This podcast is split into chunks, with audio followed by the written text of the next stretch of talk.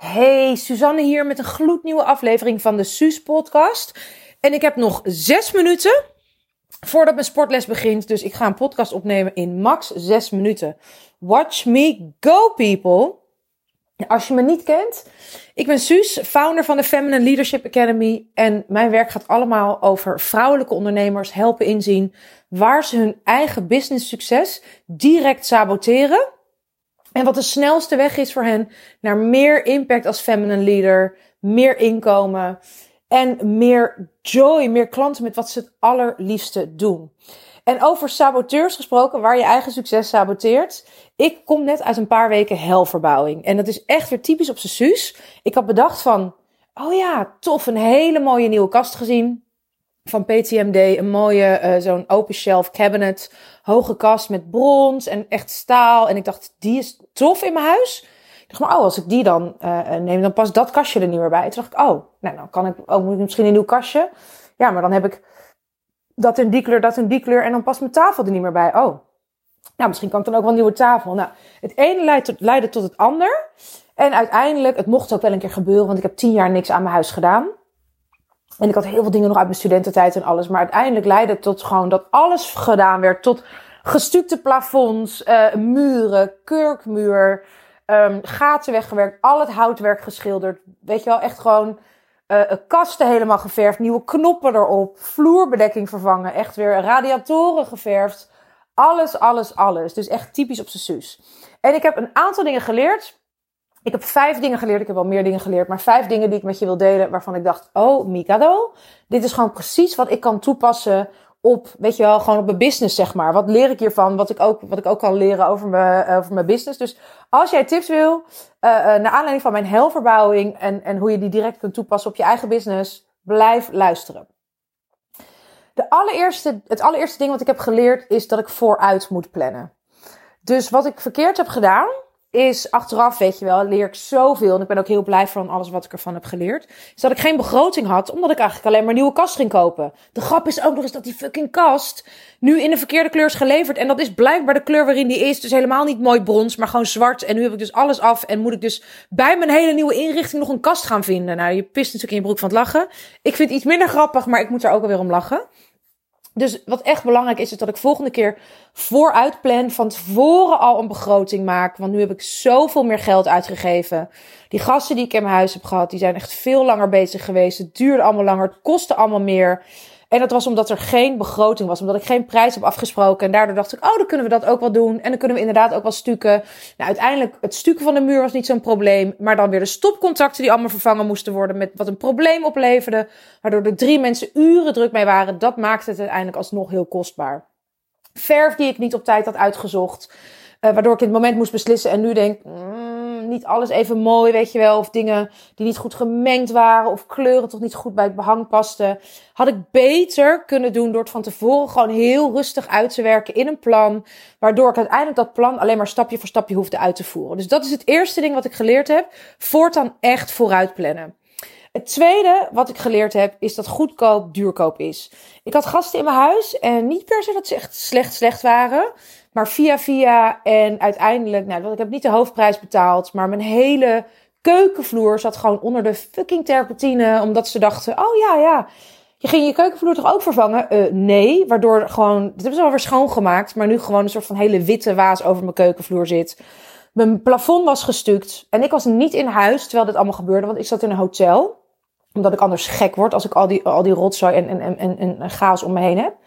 Dus uh, er zat er ineens nog een gat in mijn plafond. En dat zag ik dan een week of twee weken later. Hadden ze niet tegen me gezegd. Waardoor het een soort van half. Dat, dat, dat stuk was al lelijk. Daardoor wilde ik juist dat plafond gestuukt hebben. En dat hadden ze nu dus overgeslagen met stukken. Wat natuurlijk helemaal niet oké was.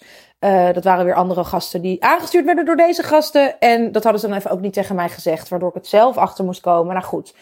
Ik wil gewoon met professionals die supergoed communiceren werken. En dat was in dit geval, laat ik even de eufemisme, uh, de understatement van het jaar maken.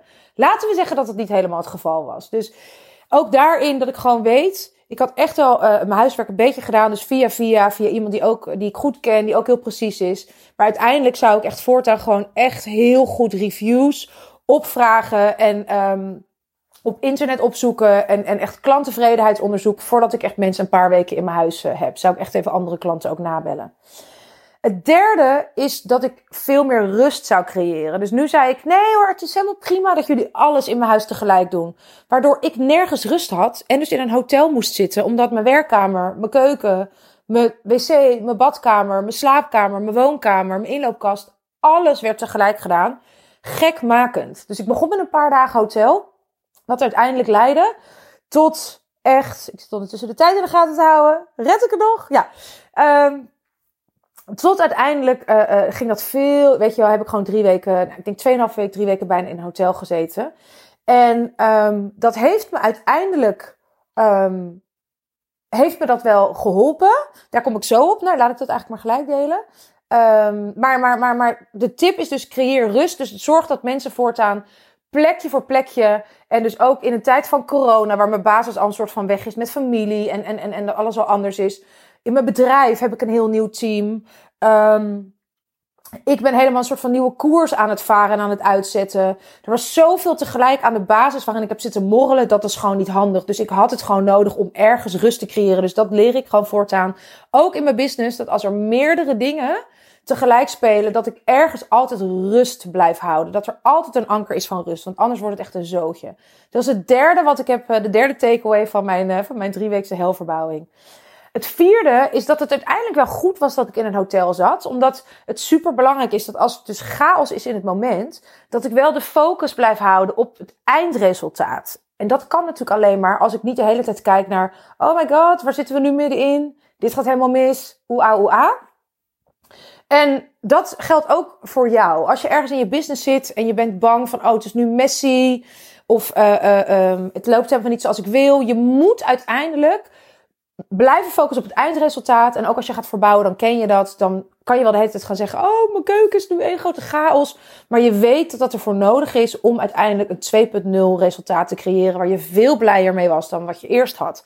Dus hè, die weg, vaak zijn we zo in het leven dat we het een beetje kwijtraken. Omdat we in, uh, ons in het moment verliezen en in de chaos. En denken het komt nooit meer goed, het komt nooit meer goed. Terwijl als we ons focussen op waar we naartoe willen, op het eindresultaat en dat maar voor ogen blijven zien, dan is de kans dat we dat bereiken vele malen sneller dan als we de hele tijd ons gek laten maken met de uh, rommelige, hobbelige weg onderweg naar ons einddoel, onderweg naar de endgame.